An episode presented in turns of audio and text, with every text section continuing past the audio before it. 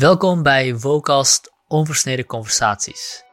Ik ben Chad Roof en ik verzorg deze podcast volledig zelfstandig en onafhankelijk dankzij de steun van mijn supporters. Als jij ook met plezier luistert naar deze podcast en mij wil helpen om deze gesprekken te blijven voeren, kijk dan eens op www.vocast.live. Je kan vanaf 2 euro per maand een bijdrage leveren aan het instand houden van deze podcast en in ruil daarvoor ben je als eerste op de hoogte van aankomende gesprekken, kun je gasten en vragen voorstellen en nog veel meer voordelen die je op de website kan vinden. Of je kan een review achterlaten op jouw podcast-app, aflevering delen op je social media of gewoon deze podcast eens delen met een vriend of vriendin. Dat is dus www.vocast.live. Deze link vind je ook in de beschrijving van deze aflevering. En ik wil je alvast heel erg bedanken dat je mijn sales pitch tot het einde hebt beluisterd en veel plezier met het luisteren naar dit gesprek. Oké Tom, welkom uh, bij de tweede take van deze podcast. Ja, dankjewel. We hebben natuurlijk uh, een tijd geleden uh, een podcast over dit onderwerp opgenomen, maar daar is de audio niet helemaal goed gegaan, dus we doen het gewoon nog een keer. En gelukkig heb jij wel wat nieuwe inzichten gedaan in die tussentijd, dus we hoeven niet alleen maar te herkauwen. Um, ja. Maar vertel even kort wie jij bent en wat je doet. Oké, ik ben uh, Tom de Veer. Uh, van oorsprong heb ik uh, landbouw gestudeerd, tropische landbouw in Wageningen op de universiteit. Ik heb daarna wat jaren in ontwikkelingshulp gezeten, met name in noodhulp, in vluchtelingenkampen veel gewerkt, in Afrika, maar ook op andere continenten. En ben daarna mijn organisatie begonnen, Stichting Connect International. En eerst hebben we allemaal hulpprojecten gedaan, vooral in Afrika en een aantal landen. En later werd het steeds moeilijker om financiering te krijgen. En toen hebben we onze uh, stichting omgebouwd tot een, uh, een consultancybureau. Wat op non-profit basis en met een ideële visie en missie probeert andere organisaties te ondersteunen en adviseren. Mm -hmm. en, wat is die, en wat is die visie en missie? De visie en missie is eigenlijk gewoon armoede de wereld uit. Uh, met name dan in ontwikkelingslanden, dat is onze focus. Uh, maar je moet daarbij natuurlijk niet vergeten dat ook in de rijkere landen ook nog veel armoede is. Maar wij richten ons met name op uh, ontwikkelingslanden.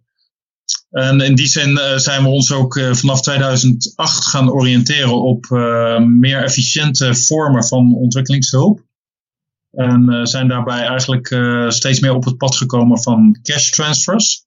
Cash transfers is eigenlijk niks anders dan geld geven aan mensen.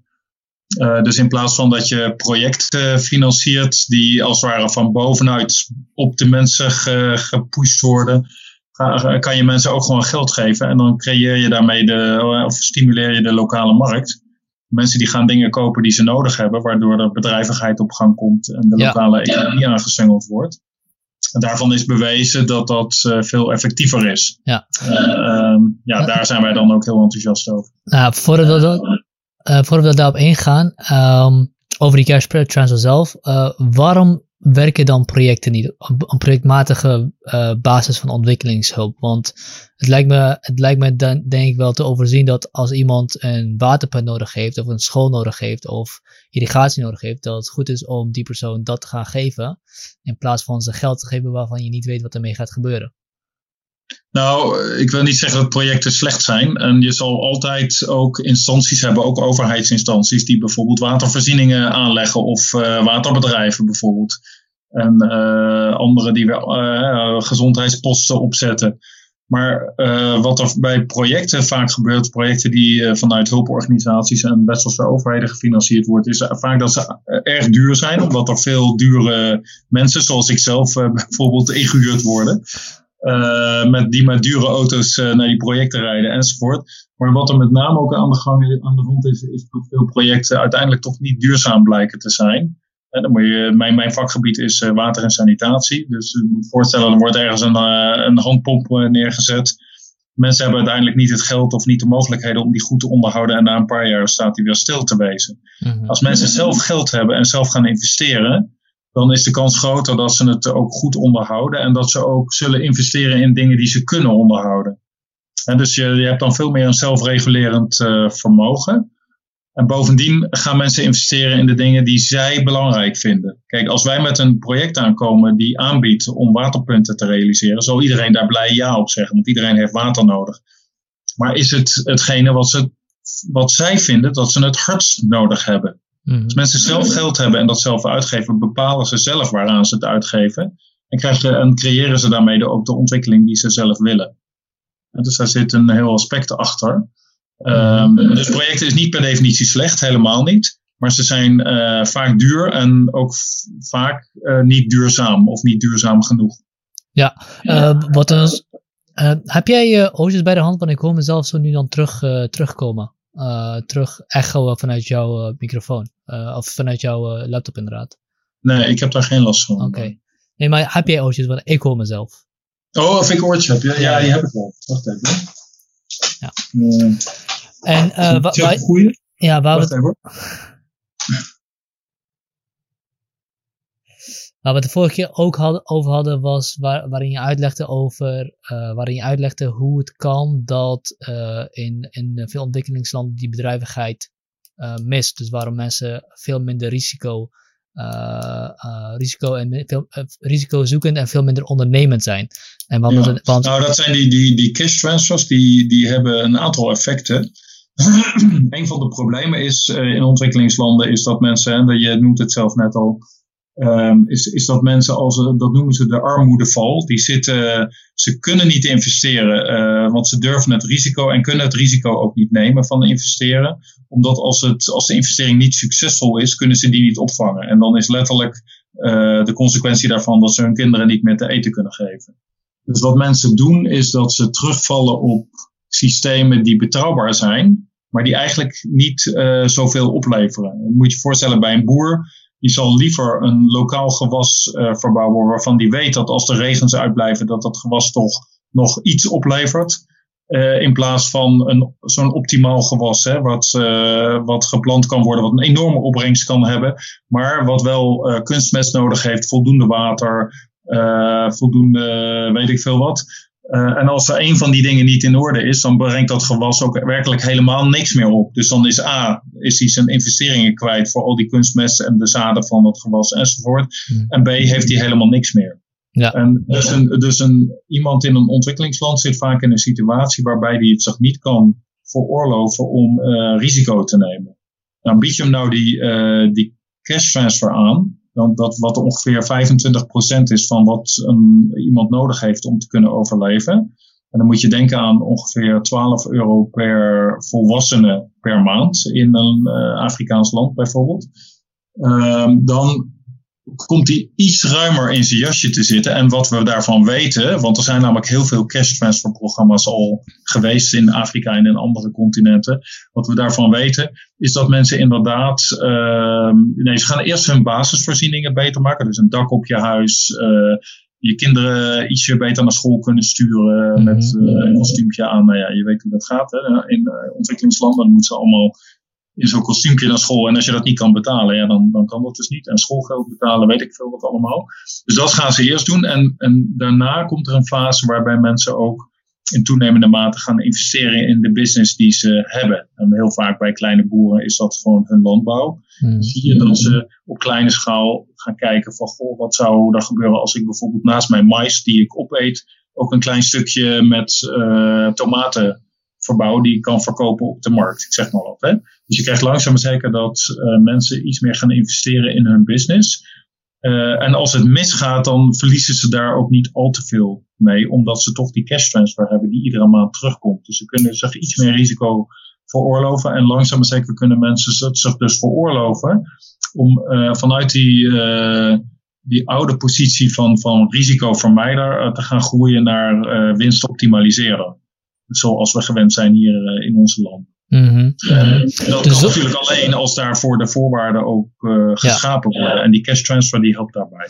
Dus als je mensen een, uh, de ruimte geeft en vangnetten geeft, kunnen zij zich beter gaan, gaan ontwikkelen. Zowel ondernemend, zowel voorzien in hun basisvoorzieningen. Is dat een beetje samenvattend. Ja, en ze, kunnen, en ze kunnen voor de markt gaan produceren. Um, en omdat zij zelf meer koopkracht hebben, ook al, uh, al denk je alleen al aan het betalen van schoolgeld of het kopen van een kostuumpje, al die dingen dragen ertoe bij om die lokale economie aan te zwengelen. Ja, ja. ja dus je krijgt twee effecten. Mensen kunnen hun basisvoorzieningen op orde brengen maar doordat, doordat ze dat doen, zwengelen ze de lokale economie aan. Ja, en uh, je zei dat er ook voorbeelden zijn van cash transfer programma's, of heel veel ervan. Uh, wat, wat zijn de belangrijkste voorbeelden?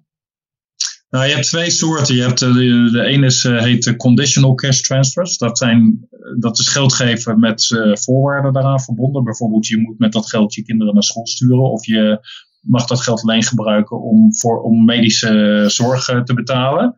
En de andere is unconditional cash transfers, dus niet uh, onvoorwaardelijke cash transfers. En die mogen mensen gewoon gebruiken zoals ze het zelf willen. En de kennis is op dit moment zodanig, of inzichten, is dat heel vaak die unconditional cash transfers, die onvoorwaardelijke uh, cash transfers, dat die eigenlijk het beste werken. Ook omdat dat minder druk legt op de mensen dat ze moeten bewijzen dat ze aan die voorwaarden hebben voldaan en, en, en, en noem maar op. En um, ja, daarmee, daarmee gaan mensen dus allerlei dingen doen die, uh, die goed voor hun zijn. Mm. Um, wat er veel is gedaan al, er zijn heel veel cash transfer programma's al uitgevoerd en nog in uitvoering. Een voorbeeld daarvan is Bolsa Familia in uh, Brazilië. Wordt gewoon door de Braziliaanse overheid gefinancierd. Omdat zij inzagen dat er een, een groot deel van de maatschappij niet, in, uh, niet hun kinderen naar school konden sturen. Dus je hebben zo'n voorwaardelijke cash transfer geïntroduceerd. Waarbij de armste gezinnen in het land. Dus uh, gedurende de tijd dat kinderen naar school moeten, kunnen aanspraak kunnen maken op zo'n cash transfer. Um, en dat is zeer succesvol. Dat zijn ongeveer 6 miljoen gezinnen in Brazilië die daar ieder jaar gebruik van maken.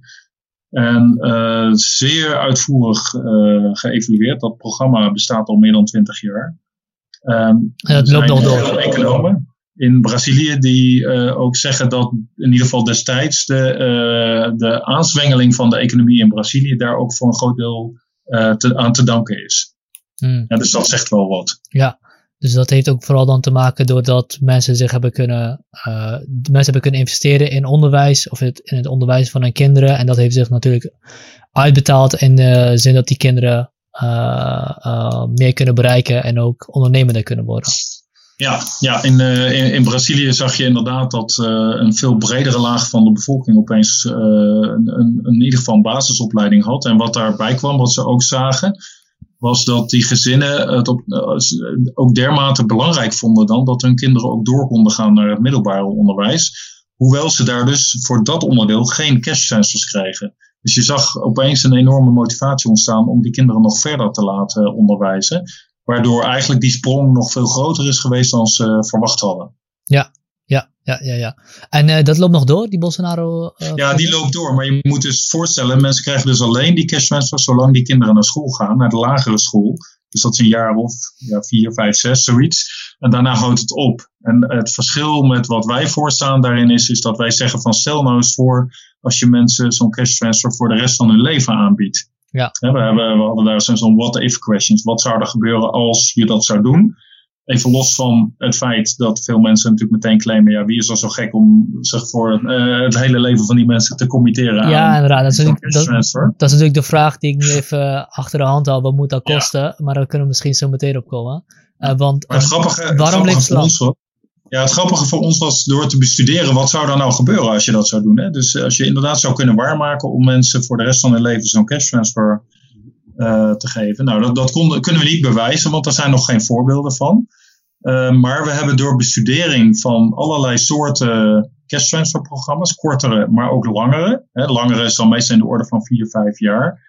Gezien dat er toch wel echt een uh, een toename van de effecten is naarmate een cash transfer programma langer doorloopt. En dat is ook logisch, want er zit een enorm psychologisch effect achter. Dus namelijk als jij weet dat je cash transfer doorloopt en dus ook niet stopt, dan, dan ben je natuurlijk toch nog veel meer geneigd om uh, te zeggen van goh, ik durf het aan hmm. om wat risico te gaan nemen. Want ik weet dat ik zelfs over tien jaar nog zo'n cash transfer heb. En ik weet ook dat als ik op mijn oude dag aan uh, beland, dat ook dan nog een cash transfer aanwezig is. En ik dus altijd een potje heb om op uh, terug te vallen.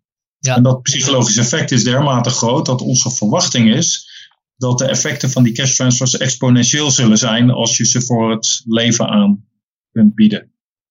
Ja, dus doordat je het langer dan vijf, jaar, uh, vijf jaar doet, is het niet zo dat, dat ze vijf jaar uh, denken, nou, nu heb ik uh, geld die ik kan bewaren voor de volgende 50 jaar, maar ze weten dat ze voor de rest van hun leven op dat geld kunnen rekenen, waardoor ze dus kunnen investeren en meer risico kunnen nemen.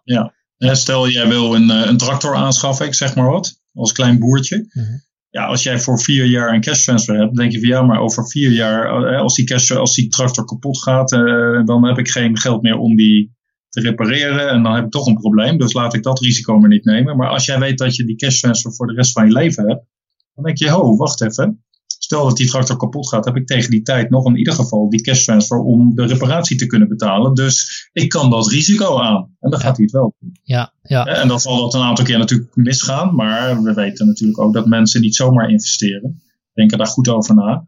Dus uh, de verwachting is, en dat is ook, ook bewezen, dat toch die investeringen die mensen doen met die cash transfers toch wel vaak heel succesvol zijn. Ja, inderdaad. Die kunnen we denk ik uh, wel uh, van de baan schuiven dat mensen het alleen maar zouden uitgeven aan genotsvoorzieningen of genotsproducten of, uh, of whatever. mensen ja, gaan over het nou, algemeen wel extra geld uitgeven aan, aan basisvoorzieningen of het verbeteren van, van een omgeving. Ja, dat is natuurlijk allemaal tot in den treuren uitgezocht. Je moet je voorstellen dat er honderden van dit soort cash transfer programma's zijn. Hè? Je hebt in Ethiopië heb je een enorm eh, cash transfer programma waar geloof ik ook een miljoen mensen mee bereikt worden. Nou, noem het maar op.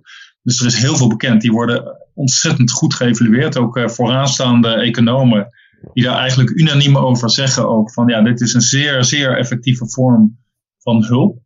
Uh, mits goed uitgevoerd. Dat is wel altijd de opmerking. Het is heel moeilijk, of niet heel moeilijk, maar het moet gewoon wel heel erg goed uitgevoerd worden. En wat betekent dus goed uitgevoerd?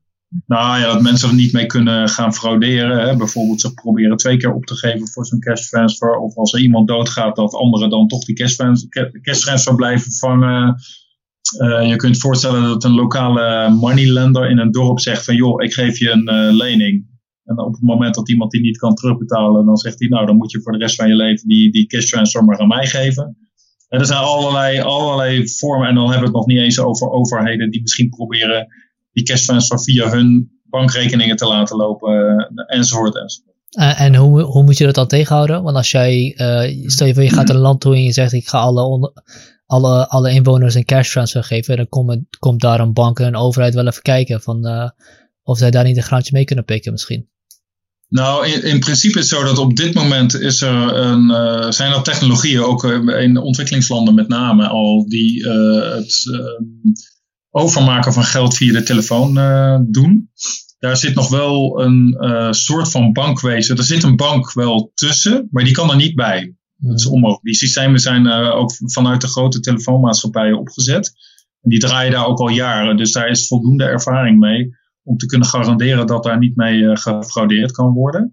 En een systeem wat in opkomst is, dat, uh, dat is dus dat zelfs die bank daar helemaal niet meer tussen zit. Um, en dat is met een soort bitcoin-technologie, waarbij je met digitale munt gaat betalen, gewoon van telefoon naar telefoon. En dan zit er niks meer tussen.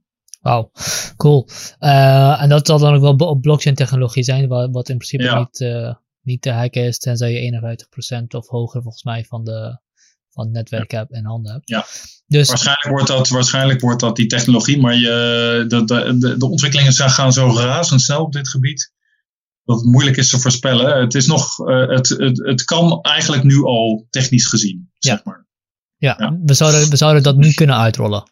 Ja, nou, misschien als, kijk, als je dit zou uitrollen en je doet het groot, dan heb je natuurlijk ook heel veel geld voor de laatste ontwikkelingen die op dit gebied dan nodig zouden zijn. Dus dan zou je denk ik wel binnen één of twee jaar uh, klaar kunnen hebben. Ja, ja, ja. Oké, okay. okay, dus uh, um, uh, ontwikkelingssamenwerking op basis van projecten, dat heeft het probleem dat het niet duurzaam is. In die zin dat een project op een gegeven moment ophoudt, van bovenaf oplegt wat andere mensen moeten doen. terwijl ontwikkeling, bijvoorbeeld zo'n zo'n waterput, dat is gewoon, dat blijft doorgaan. Uh, hmm. En tweede, mensen weten zelf wel beter waar ze hun geld aan moeten uitgeven dan een, uh, een projectleider die het uitgeeft. Het werkt, cash transfers werken, da daar hebben voorbeelden van, zoals uh, familie Bolsonaro en dergelijke. en de technologie is zo ver gevorderd dat het niet fraudegevoelig is. Dus we kunnen het in principe inzetten. De vraag is dan nog waarom? Uh, waarom zou je al dat geld uitgeven om te zorgen dat uh, een ontwikkelingsland exponentieel groeit? Is het niet genoeg om te zeggen, we gaan, zo, we gaan alleen maar zorgen dat het niet uh, uitkomt op oorlog of dat mensen niet massaal sterven aan hongersnood en dergelijke? Waarom zouden we zo, zo ver gaan in ontwikkelingssamenwerking? Nou, ten eerste, het grappige is dat het budget wat je ervoor nodig hebt, als stel dat je alle ontwikkelingshulpbudgetten van de EU-landen bij elkaar zou leggen, dan kun je uh, in principe die cash transfer die wij voorstaan voor iedereen uitrollen in alle ontwikkelingslanden. Um, dus het is niet zo dat je meer moet gaan investeren. Het, uh, misschien ietsje, misschien 10, 15 procent. Uh, maar je krijgt daarvoor terug dat je dus inderdaad armoede eigenlijk de wereld uithelpt. En het is ook niet zo dat je die mensen enorm rijk maakt. Het is, het is voldoende, denken wij, om mensen boven die armoedegrens uit te liften, structureel, zolang je met doorgaat met die cash transfer. Maar de uiteindelijke grote groei die, uh, die wij ook hebben doorgemaakt, ja, die moet vanuit andere krachten optreden. Daar, daarvoor is die cash transfer niet sterk genoeg voor. Hmm. Maar wat het dus doet, is dat het mensen boven die armoedegrenzen uit, uittilt. Hè, en hun helpt om dat zelf te doen eigenlijk, voor een groot deel. Uh, maar er zijn nog een aantal andere effecten en die zijn ook direct voor ons van belang. Uh, ten eerste zijn er een aantal studies die hebben aangetoond dat in de meeste omstandigheden, ik wil niet zeggen overal, maar in de meeste omstandigheden, die cash transfers tot vrij grote effecten op het gebied van geboortebeperking uh, uh, leidt. dus het aantal geboortes neemt enorm toe. En niet omdat wij dat willen, maar omdat de vrouw die die cash transfer krijgt, die, nee, die wil nee, Neemt af, bedoel je? Ja, nee, oh, sorry, ja, ja. Ik, ik, bedoel, het neemt af. Dus ja. er, worden, er komen minder geboortes. Ja. En dat is omdat vrouwen zelf niet zoveel kinderen willen hebben, überhaupt. Ze kunnen het zich ook iets beter veroorloven, omdat ze dus al een deel van hun oude dagvoorziening met zo'n cash transfer dan uh, op orde hebben. Maar het is ook met name omdat vrouwen dan zelf mondiger worden binnen het gezin. Dus ze kunnen meer hun eigen wil ook naar hun man uiten. Dat, ze hebben daar meer, ja, meer kracht voor. Uh, dat heet empowerment, hè? Dat, zoals we dat zeggen in de ontwikkelingshulp. En uh, ook omdat die vrouwen vaak economisch actief gaan worden met die cash transfer en dus ook geld genereren. En daardoor ook, meer, ook weer meer zeggenschap uh, krijgen, maar ook weer meer zekerheden hebben. Mm-hmm. En uh, dat, dat leidt er dus toe dat vrouwen meer kunnen gaan beslissen over wat ze nou werkelijk willen in, in termen van aantal kinderen. Zeker als je dat combineert met begeleidende programma's die voorlichting geven over family planning uh, toegang geven tot anticonceptie en ook de juiste begeleiding uh, daarbij. Oké, okay. dus uh, omdat het geboorte, geboortes gaat beperken, dat is, dat is nog een grotere reden waarom we die cash transfers moeten gaan. Nou ja, ik vind, ik vind zelf wel van wel, omdat met name in Afrika de voorspelling is dat tegen het eind van deze eeuw de Afrikaanse bevolking vier keer zo groot is als nu. Vier keer, hè? Mm -hmm. bedoel, er zitten nu een miljard ongeveer en dan zitten er vier miljard. En uh, de, je moet daar ook nog bij tellen dat er uh, de klimaatverandering gaat waarschijnlijk het hardst toeslaan in de Sahelzone en net ten zuiden van de Sahelzone. De Sahelzone is de hoorn van Afrika, toch? Ja, is in Afrika, het hele, hele Sahelgebied, hè? dus het noorden van Afrika, uh, waar, de, waar de woestijn is. Dat, uh, daar, uh, en, en de randen daarvan, daar, zit, daar wonen honderden miljoenen mensen. En hele grote delen van die leefgebieden gaan onleefbaar worden. Daar wordt het letterlijk te warm en verdwijnt het water zodanig dat mensen daar echt niet meer kunnen overleven. En dat gaat optreden binnen nu en 30 jaar, is de verwachting. En dat zal uh, minimaal 50 tot 100 miljoen mensen op drift gaan maken. Dus die gaan migreren. Een groot deel daarvan zal gaan migreren naar andere Afrikaanse landen. Maar in toenemende mate zal de druk ook, ook oplopen van mensen die proberen naar Europa te komen. En um, wij vinden dat Europa zich daarop moet voorbereiden. En zeker als je dus ziet, uh, op dit moment zijn er al heel veel mensen in Europa die zich zorgen maken over uh, migra de migratie naar Europa toe met name omdat ze bang zijn voor het verlies van de eigen culturele identiteit. Mm -hmm. En een aantal andere zaken. Hè. Dus uh, bijvoorbeeld in Nederland geldt ook dat veel mensen Nederland gewoon al te overbevolkt vinden. Um, hè, er is uh, migranten, vluchtelingen die hebben een zware druk op de woningbouw, woningmarkt enzovoort. Dus er spelen een aantal aspecten mee. Um, maar wat met name ook van belang is, is dat wij geen structurele oplossing hebben van als er opeens weer hele grote groepen vluchtelingen binnen gaan komen, zoals we hebben gezien toen met de Syrische uh, vluchtelingenproblematiek. Mhm. als dat vandaag opnieuw zou gebeuren, ik zeg maar wat vanuit een land als Jemen, hè, waar bijvoorbeeld veel oorlog is op dit moment, of, of bijvoorbeeld met die klimaatvluchtelingen, dan hebben we eigenlijk nog steeds niet een, een goede oplossing daarvoor, behalve dan dat we de mensen maar zo goed mogelijk uh, hier moeten opvangen. Ja, even, even los van de, van de culturele angst, want daar hebben we natuurlijk ook wel vaker gesprekken over gehad. En die culturele angst, die, uh, die snap ik. Ik snap dat die bestaat. Uh, maar, waar, maar los daarvan, ik weet niet of dat namelijk een, een, een reden kan zijn om een besluit te nemen over iets of niet. Maar los daarvan ook. grotere stromen van vluchtelingen zijn niet goed voor vluchtelingen. Um, even nadenken over immigratie. We moeten veel minder de, de naartoe waarvan we dat we denken dat hoe meer, we, hoe meer we opvangen, hoe humaner we zijn. Hoe meer we opvangen, hoe meer vluchtelingenstromen ook op gaan stijgen, ja. uh, op gaan komen. En ja. um, ik denk dat geen enkele vluchteling wil vluchten over het algemeen. Um, dus als we echt vluchtelingen willen helpen, dan zorgen we ervoor dat er zo min mogelijk een situatie ontstaat waarin zij uh, de noodzaak hebben om te vluchten. Uh, en zo... Ja, dus die, en die cash transfers die helpen daarbij. Daar zit nog een, wat mij betreft, nog een heel belangrijk ander aspect aan die vluchtelingenstromen. Dat is namelijk dat uh, die komen hierheen, uh, die worden hier opgevangen, krijgen een flatje, medische zorg, uitkering. Uiteindelijk kunnen ze misschien nog Nederlander worden ook nog. Um, terwijl het grootste deel van de vluchtelingen, 9, ongeveer 90% van de vluchtelingen, migreert binnen de regio. dus als we het over Afrika hebben, dan gaan ze van een land als Somalië bijvoorbeeld naar Oeganda toe of zo. Ja. Die 90% van die vluchtelingen, daar doen we veel minder voor. En die hebben eigenlijk onze hulp veel harder nodig. Want dat zijn de mensen die niet uh, die 6000 dollar hadden ja. die nodig is om hierheen uh, te vluchten. Dat zijn de mensen die daar niet de energie of de moed of wat dan ook voor hebben. Dat zijn de zwakkeren uh, en die laten we zitten onder zeer erbarmelijke omstandigheden. Ja.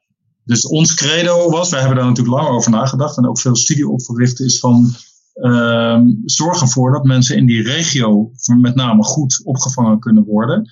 En uh, ga ook niet degene die zich toevallig aan onze poort melden een soort VIP-behandeling geven, gewoon puur en alleen omdat ze zich hier melden.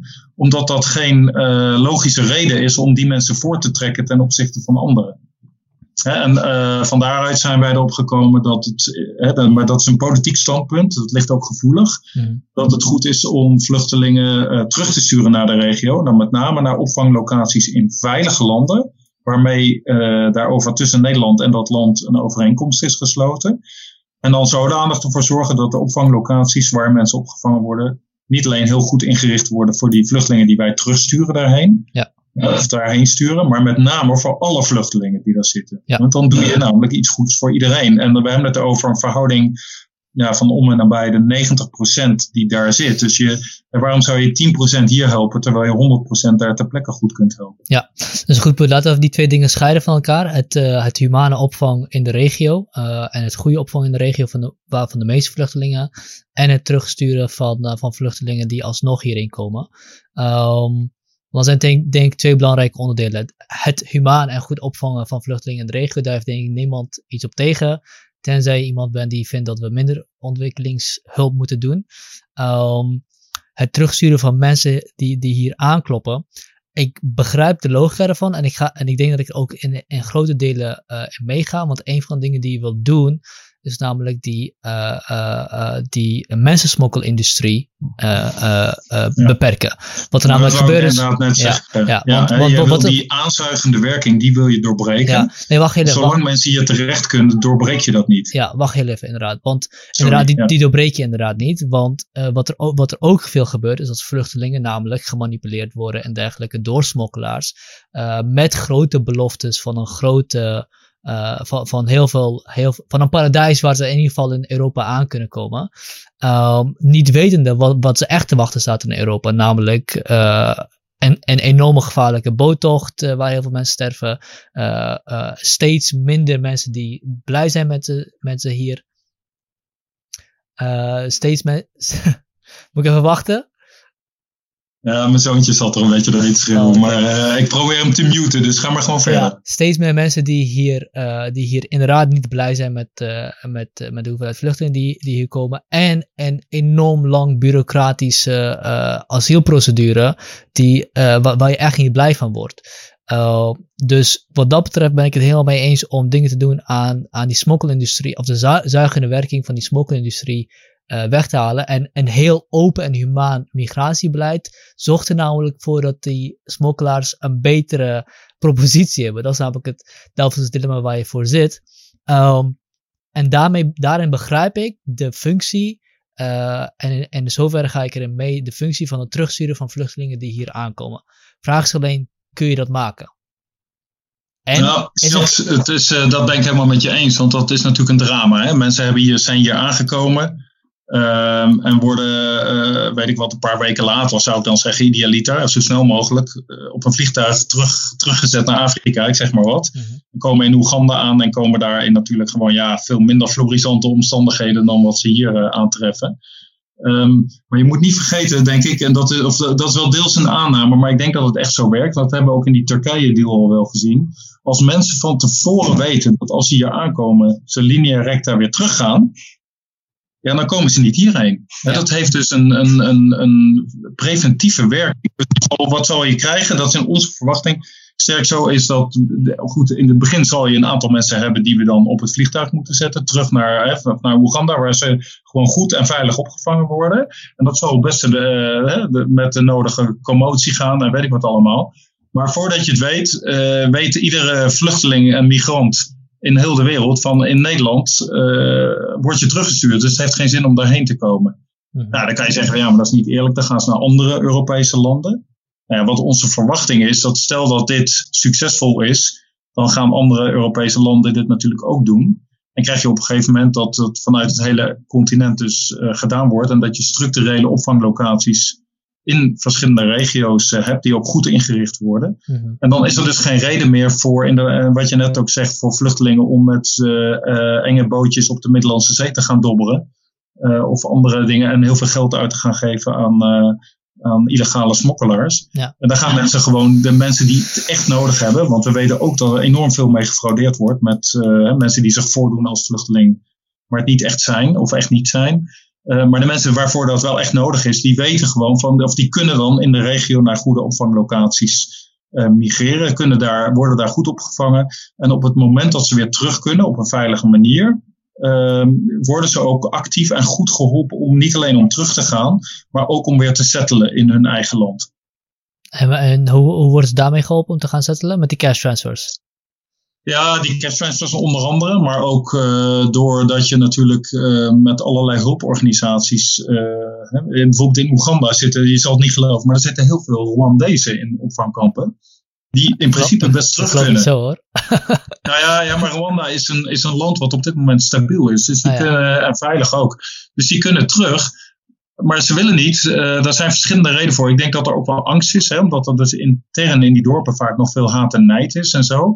Maar als die mensen uh, um, goed begeleid worden, bijvoorbeeld door een Nederlandse hulporganisatie in Rwanda, die die taak heeft gekregen van de Nederlandse overheid, ja. en die mensen dus zeker weten van, joh, ik kom aan dadelijk in Rwanda, dan kan ik of naar mijn eigen dorp terug of naar een ander uh, gebied, waarbij ik het eerste jaar of de eerste twee jaar in ieder geval ook naast, eventueel naast de cash transfer nog voldoende hulp krijg om mijn huisje weer op te bouwen, om uh, mijn kinderen weer naar school te sturen, zodanig dat ik er weer lekker in zit en echt mijn eigen leven kan ja. leiden. Ja. Ja, dan, maar dan, is het, dan wordt het echt mogelijk. En, en dat onderdeel uh, wordt ontzettend veel vergeten op dit moment. En dat is ook waarom het zo moeilijk is voor vluchtelingen om, zelfs als het mogelijk is, om weer terug te keren. En dat geldt met name dadelijk ook, en nu nog niet, maar dadelijk als ze hopelijk, als het wat stabieler wordt in uh, Syrië. Ja. En dan, ja, wat, hebben Syriërs om naar terug te, te keren? Kapotgeschoten huizen, uh, infrastructuur die er niet meer is, niks functioneert.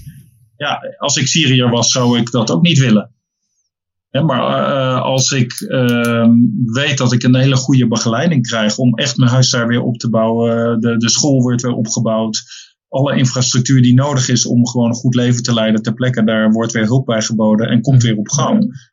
Nou ja, dan, dan wordt die drempel wel een stuk lager in ieder geval. Ja, er is natuurlijk ook, uh, ook iets aan het feit dat we eigenlijk het. Sorry, laat ik even één vraag stellen. Hoe zie je asiel in dit geheel? Het, het aanvragen van asiel? In Nederland bedoel je? Ja, stel je voor, dit plan wordt uh, doorgevoerd. Uh, we ja. vangen alleen mensen in de regio op. Uh, ik denk dat het plan trouwens alleen maar kan werken als heel Europa meedoet. Ik denk niet dat je dit als Nederland kan doen, want dan heb je het probleem namelijk niet opgelost. Namelijk die smokkelindustrie en die aanzuigende werking van Europa blijft nog steeds. Nee, dat klopt. Maar in onze optiek is het dat Nederland daarin een voorbeeld kan zijn. Nee, begrijp. begrijp. En dat zou dan gevolgd kunnen worden. Maar als het alleen in Nederland is en blijft, dan heeft het netto gezien voor de migratiestromen weinig effect. Ja. Um, uh, wat doe je met asielaanvragen? Kunnen mensen nog asiel aanvragen? In, in, uh,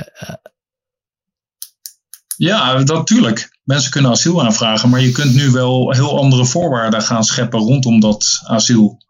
Dus asiel in Nederland. Dan. Ja. want je kunt dan zeggen van, nou ja, mensen hebben al asiel, namelijk in het land waar ze opgevangen worden. Ja.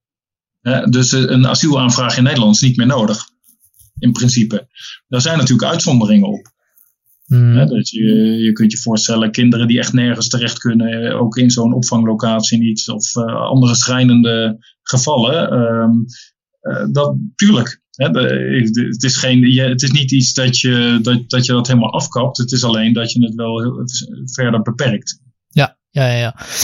Um, de, het heeft natuurlijk ook iets dat wij door de manier waarop onze uh, migratie- en asielbeleid ingesteld is, kunnen mensen in principe niet anders dan heel ver weg te gaan om veiligheid te zoeken.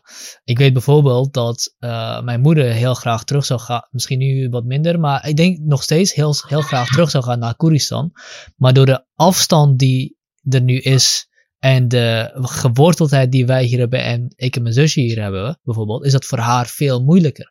Terwijl als we de situatie Precies. zouden hebben zoals jij beschrijft, het veel makkelijker voor haar terug was geweest om, om terug te gaan. Daarentegen, uh, ik ben wel heel blij dat ik, uh, uh, dat ik, niet, dat ik niet terug ga naar Koeristan. Dus het is natuurlijk voor, voor zijn tegens, natuurlijk.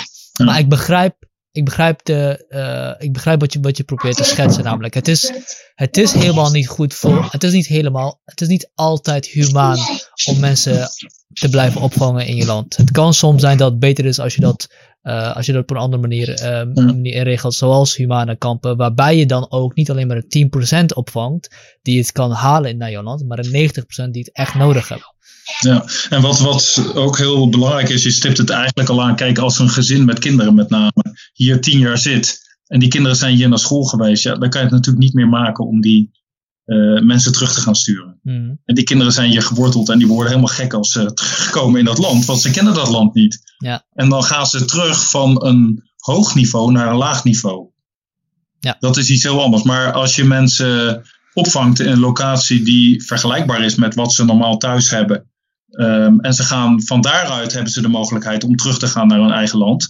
Dan is die drempel veel lager en uh, zijn mensen ook veel meer bereid om, uh, om terug te gaan. Kijk maar naar de, de Syriërs in Libanon. Hè. Die, uh, ja. ja. die gaan zeer waarschijnlijk als het dadelijk nog weer iets stabieler is, gaan daarvan de meeste weer terug. Terwijl de Syriërs die hier zitten, daarvan is net een onderzoek geweest.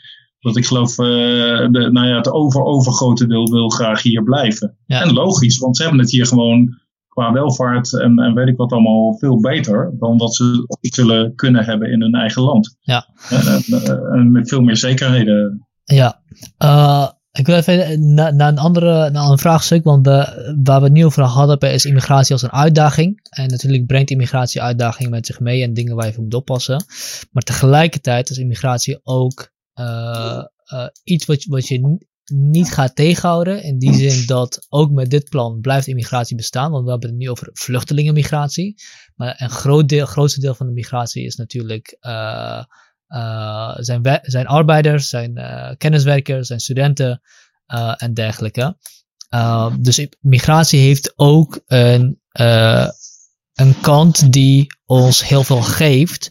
En de vraag is, hoe gaan wij een structureel immigratiebeleid hebben die past bij de toekomst en die, uh, uh, die ervoor zorgt dat we ja, de, de kans die immigratie geeft goed kunnen benutten.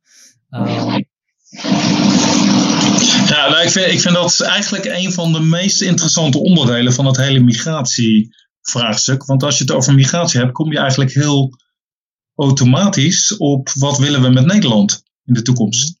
willen wij uh, inderdaad uh, heel veel Europese migranten hierheen blijven trekken. Hè, die dan uiteindelijk ook voor een groot deel in Nederland blijven. En ook veel Indiërs bijvoorbeeld, hè, die IT-kennis komen leveren enzovoort. Ja, of willen we dat niet? Ehm, en dat is een vraag die we zullen moeten beantwoorden. Er zijn heel veel maatregelen die je kan treffen om die stromen ook af te remmen, als je dat zou willen.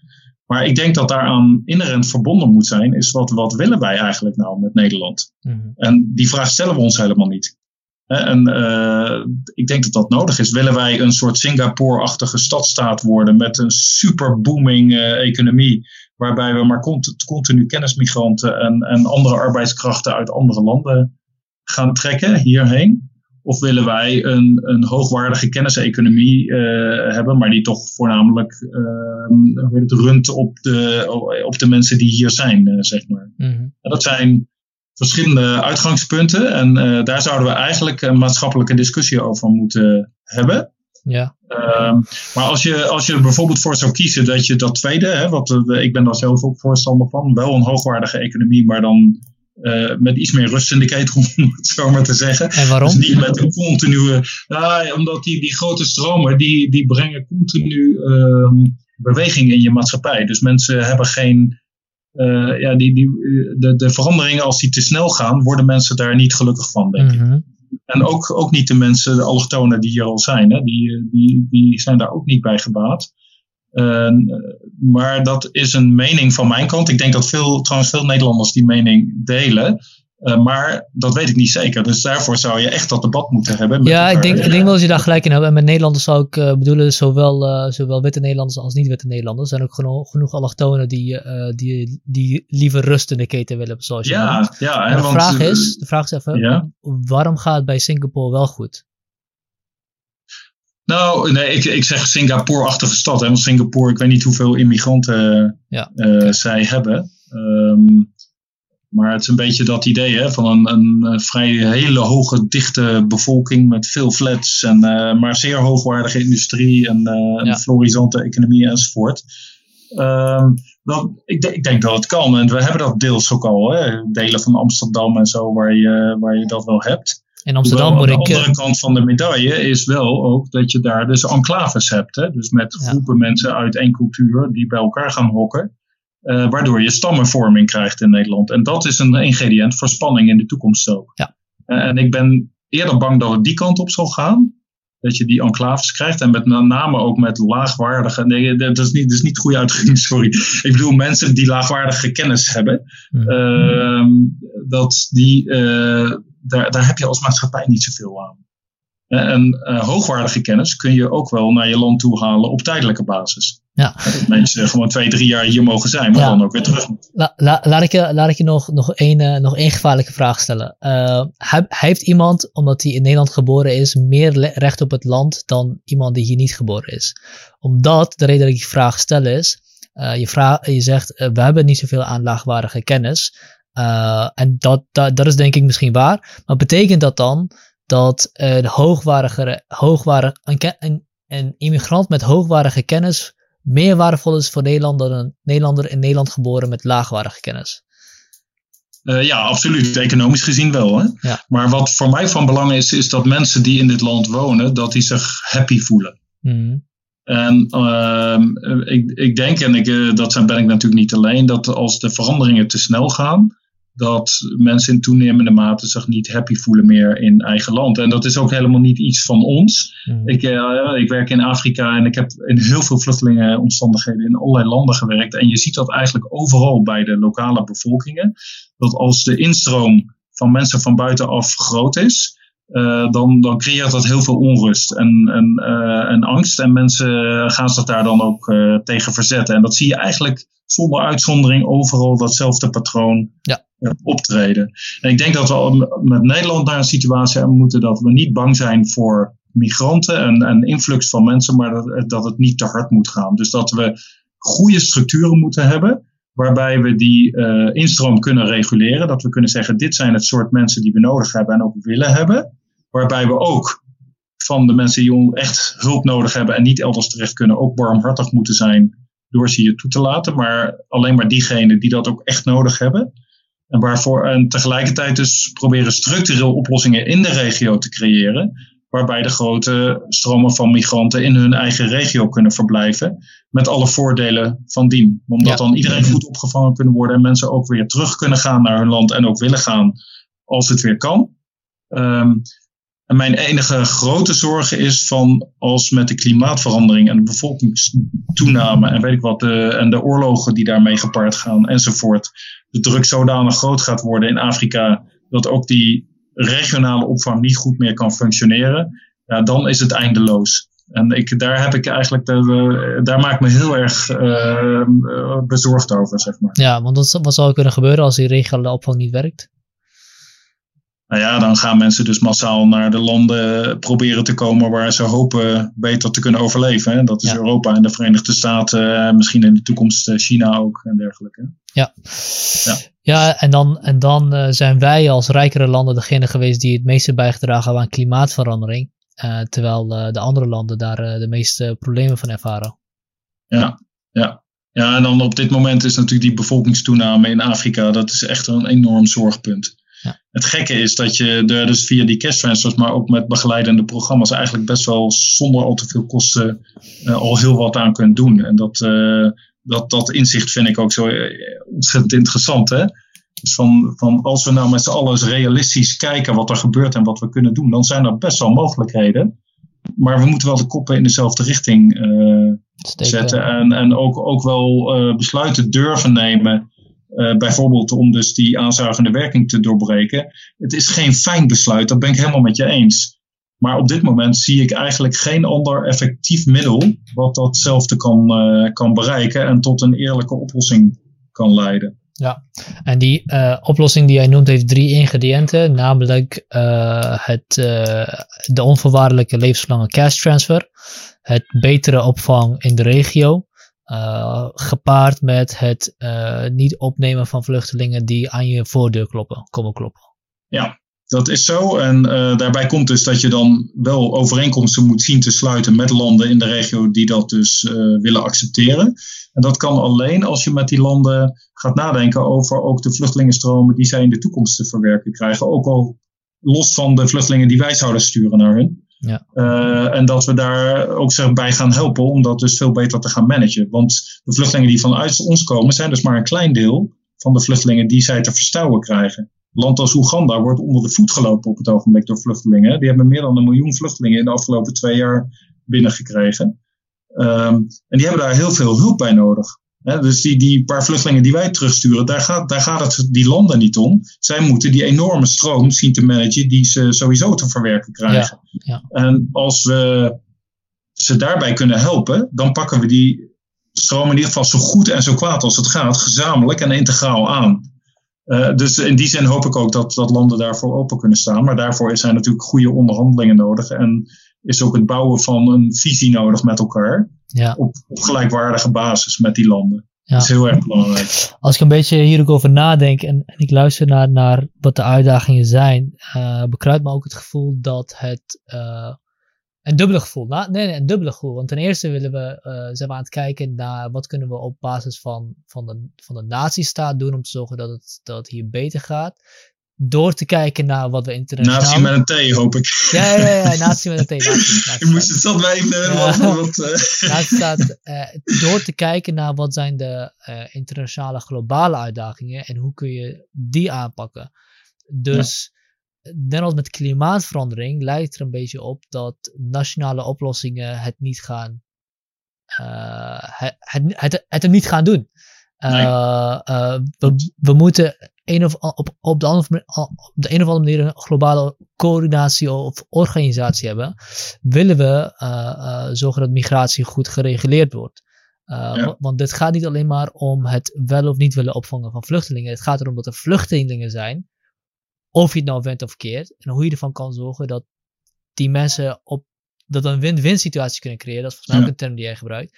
Win-win situatie kunnen creëren die voor iedereen een betere situatie creëert. Ja. ja. wat je ziet de afgelopen 50 jaar, iedere keer als er grotere vluchtelingenstromen waren over de aardbol, moesten alsmaar ad hoc oplossingen gezocht worden. Om dat op te vangen en weet ik wat. En het is, kijk, die migratiestromen gaan alleen maar toenemen. Dus het is logischer als je daarvoor echt goede structurele infrastructuur gaat opzetten. En, en, en uh, ook qua wetgeving, internationale verdragen, echt een veel, veel meer solide basis gaat aanleggen om dat goed te kunnen doen. Want anders gaan we chaos krijgen in de toekomst. En daar, daar ben ik echt heel erg bang voor. Want als ik zie de tegenstand die er is om, tegen ideeën om die migratie echt op een goede en, en eerlijke manier aan te gaan pakken, ja, ben, ik, ben ik echt bang dat we dat niet gaan redden.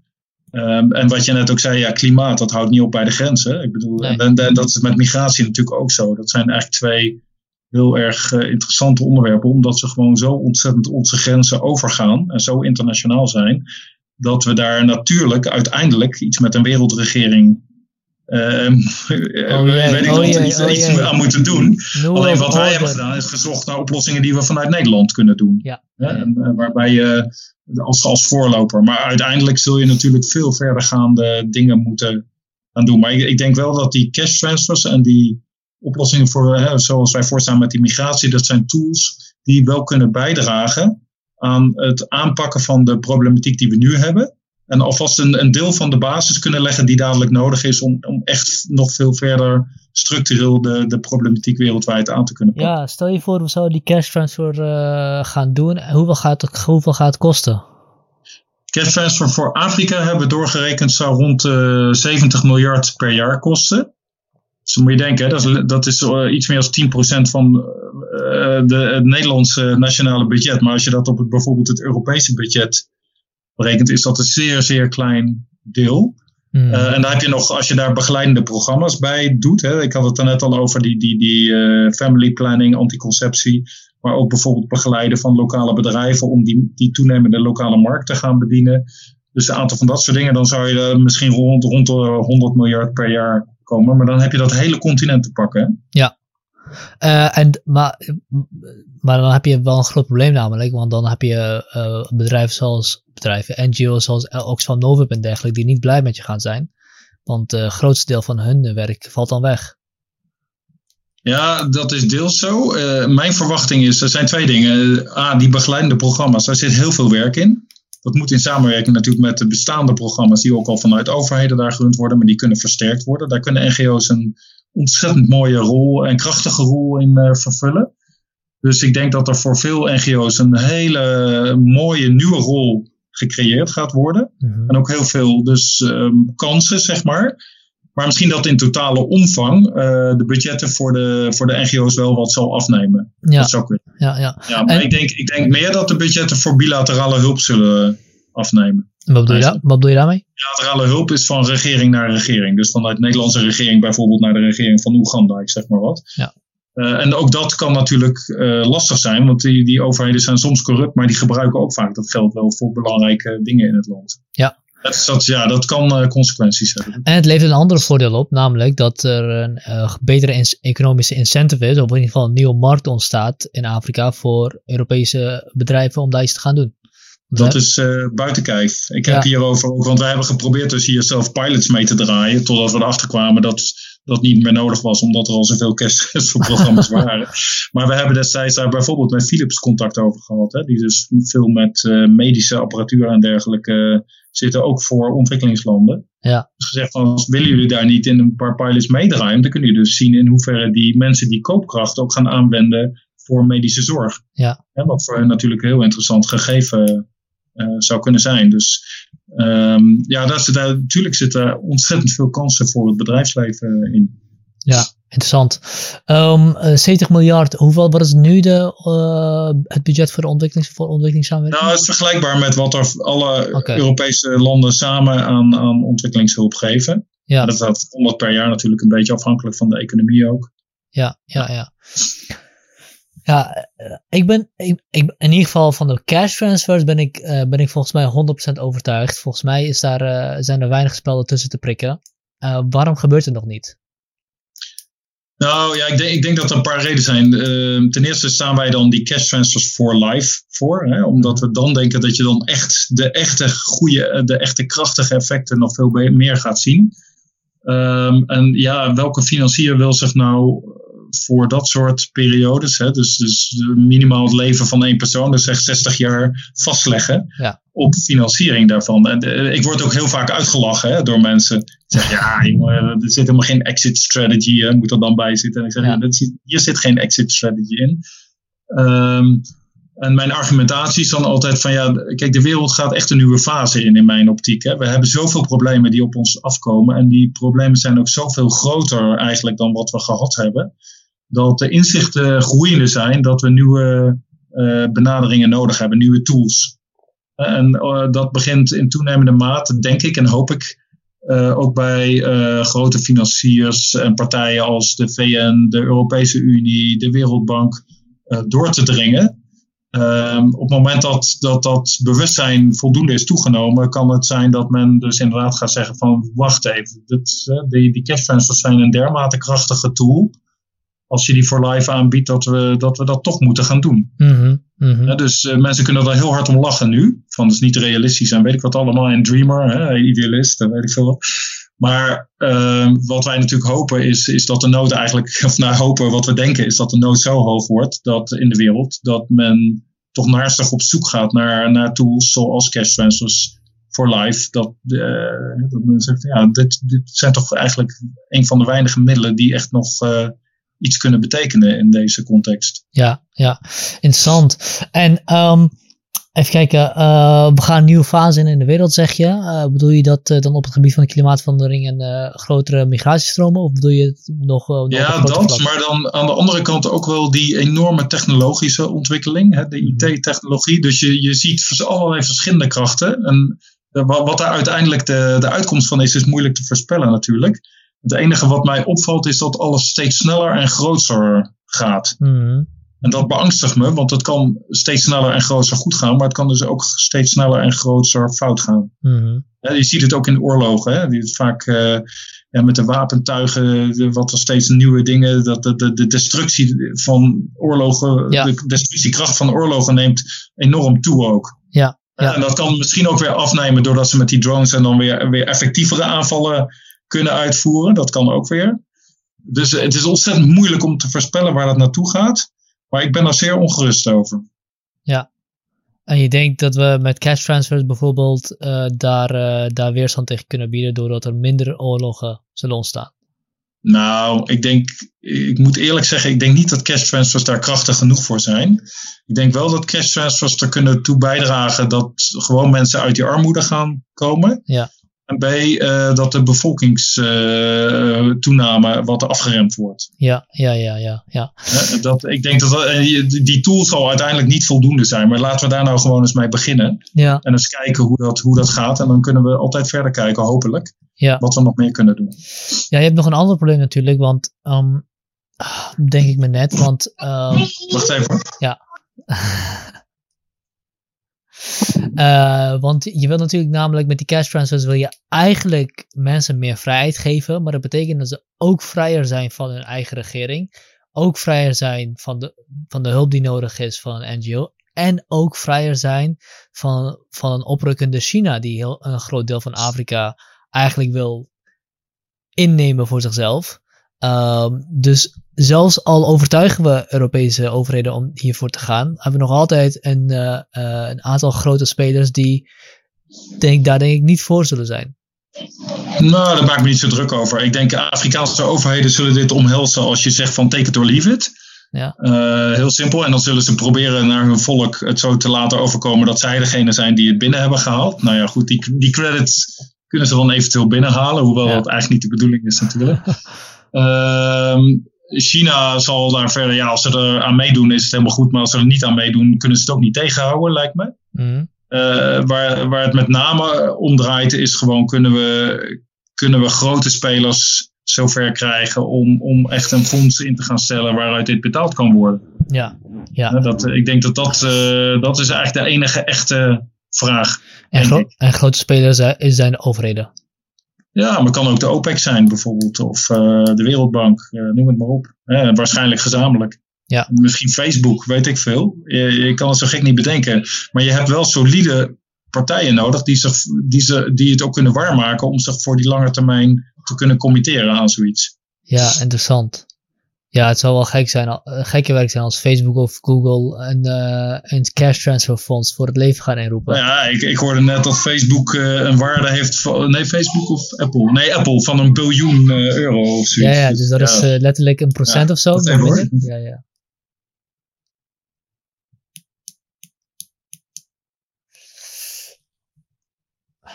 Ja, sorry. ja, dat zou wel echt ja. gekke werk zijn als inderdaad uh, die commerciële bedrijven zich uh, gaan toeleggen om levenslang uh, die cash transfers te doen. Nee, ja, dat verwacht ik ook niet. Ja, maar, maar, met een biljoen inderdaad, dan is 10 miljard of 70 miljard heel weinig. Ja, en, maar ik denk ook aan bijvoorbeeld een OPEC, um, hoewel die natuurlijk nu met terug, waarschijnlijk in de toekomst met teruglopende olieomzetten zullen te maken krijgen. Als we gaan omschakelen naar duurzame energievormen, hopelijk. Maar uh, ja, als, als, je daar, als je kijkt wat daar aan geld in omgaat. Um, en als je, hè, daar zit natuurlijk een, bijvoorbeeld een redenering van ja, die olie zit toevallig bij jullie onder jullie oppervlak in de grond. Maar het is eigenlijk een, een, een wereldasset. Uh, ja. Dus waarom uh, kunnen we niet een klein deeltje daarvan ten goede laten komen aan iedereen? In plaats van het, ja nou weet ik wie toe te laten vloeien. En zou je het, zou het, zou het niet ook uh, kunnen herframen, framen niet als ontwikkelingshulp, maar als, ik weet het niet, een uh, soort van uh, het, het, creëren van een nieuwe markt of, het, of een, als een investering? Ik vind het allemaal best. Uh, ja. Van mij als, het als het mag gebeuren. En, en maken zoals ze het willen. Als, als, als, dat, als die cash transfer for life er maar komt. Uh. Ja. ja. Nee, dat, dat, is, dat is allemaal prima. En dan mogen allemaal slimme marketingmensen zich overbuigen. Dat vind ik allemaal geweldig. Ja. Hey. hey. Ga maar zwaaien. Ik denk dat je, ja. dat je gevraagd wordt om... Uh, ja, mijn zoontje die vraagt even wat aan. Ja. ja. Uh, ik denk dat we ook wel de meeste gehad hebben. ja. Tenminste, is er nog iets belangrijks dat jij wilt noemen? Nou ja, wat ik nog heel even. Ten eerste hebben wij recentelijk bestudeerd de, de juridische aspecten hiervan. Van mag je überhaupt mensen wel terugsturen naar een regio? Mm -hmm. En het, het rare is dat ik van allerlei mensen te horen krijg dat dat juridisch niet kan. Mm -hmm. Um, en ik heb nou toch een flink aantal verdragen en wetten omtrent dit onderwerp doorgelezen. En ik kom er alleen maar toe dat het dus wel kan. En het verschil zit hem in dat je, je mag vluchtelingen niet terugsturen naar een land waar ze niet veilig zijn. Maar er staat nergens dat je ze niet terug mag sturen naar een land waar ze wel veilig zijn. Mm -hmm. En er staat zelfs in de Vreemdelingenwet 2000 van Nederland staat letterlijk dat mensen dus gestuurd kunnen worden naar een gebied waar ze veilig zijn. Oké, okay, dus dat zou ja. in, in zo'n uh, in, in opvangkamp die, die ook door bijvoorbeeld Nederland of Europa geleid wordt, zou dat, zouden ze veilig zijn.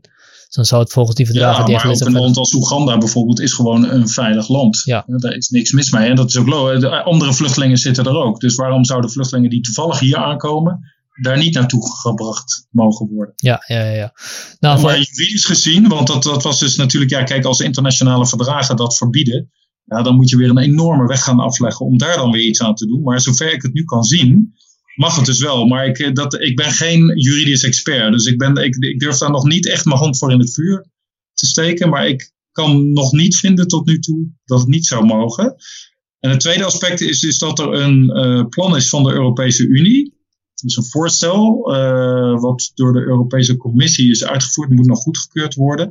En dat voorziet erin dat we uh, nog steeds vluchtelingen dan zouden gaan verspreiden over Europa. Maar de landen die dat niet willen, dan financieel zouden moeten gaan bijdragen aan de opvang van die uh, vluchtelingen. Naast het verbeteren van de asielprocedures in alle landen en die op elkaar afstemmen. Zodat dat asiel shoppen, hè, zoals ze dat noemen. Dus uh, iemand die hier uitgeprocedeerd is, gaat het vervolgens in Duitsland proberen, daarna in België en daarna in uh, Italië, ik zeg maar wat.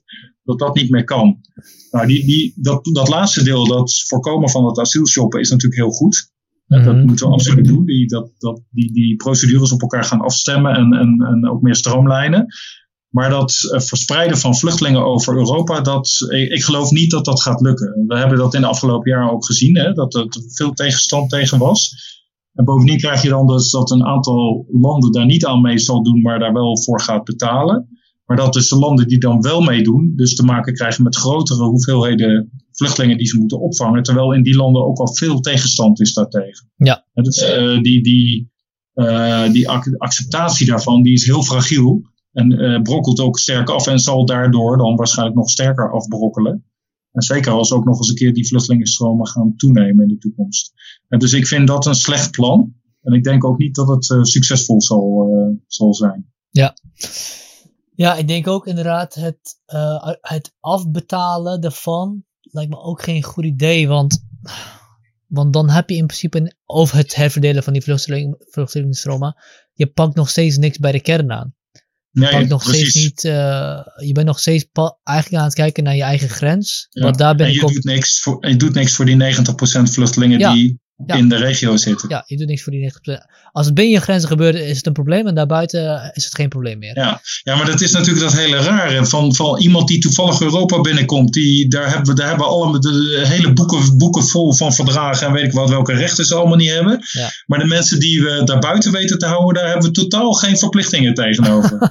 ja, ik, vind, ik kan daar gewoon niet bij. Sorry. Ik Ja, vind het zo ontzettend inconsequent. En dat noemen we dan humaan.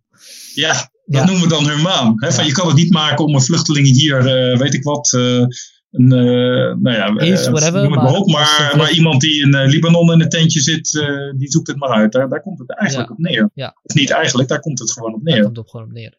Ja. Hè, En ik heb daar heel veel, de- ja, dat vind ik gewoon zo moeilijk om daar dat überhaupt te zien. En dat komt natuurlijk ook omdat ik zelf heel veel in vluchtelingenkampen gewerkt heb. Ik had het laatst nog eh, naar iemand anders gezegd van ja, dat Moira-camp hè, in, eh, in Griekenland, daar maken we ons met z'n allen zo druk over, over die kindertjes die daar zitten. Eh, Maar niemand bekommert zich om al die duizenden kampen in ontwikkelingslanden waar net zoveel kindertjes, maar onder veel erbarmelijke omstandigheden Ja. zitten. Ja. Hè, dus hoe, hoe inconsequent kun je zijn? Ja. Ja. Nou, Goed. je hoort het al aan mijn stem, hè? Ik word, Ja, ik word, ja. ik word er emotioneel van. Ja. Ik, denk, eh, ik denk dat we. Ja, dit was een goed gesprek. Eh, eh, ik denk dat je, dat je een goede, goede visie hebt op wat er moet veranderen. om, om de problemen bij de kern aan te pakken. En consequent te zijn. Niet alleen binnen onze eigen grenzen, maar ook daarbuiten. Ehm ja, dankjewel. Ik zou zeggen, stuur dit verhaal, deze podcast op naar alle politieke partijen. Wie weet. hè? we gaan zien wat er gebeurt, inderdaad. Ja. Oké. Dankjewel, Hey, man. fijn dat je me wilde horen. En eh, ik hoop dat de opname dit keer eh, Ik, gelukt is. ik, ik denk dat het wel goed gelukt is. Ja, is goed. Yo, hey. Super. Hey, bedankt. Fijne avond. Hoi.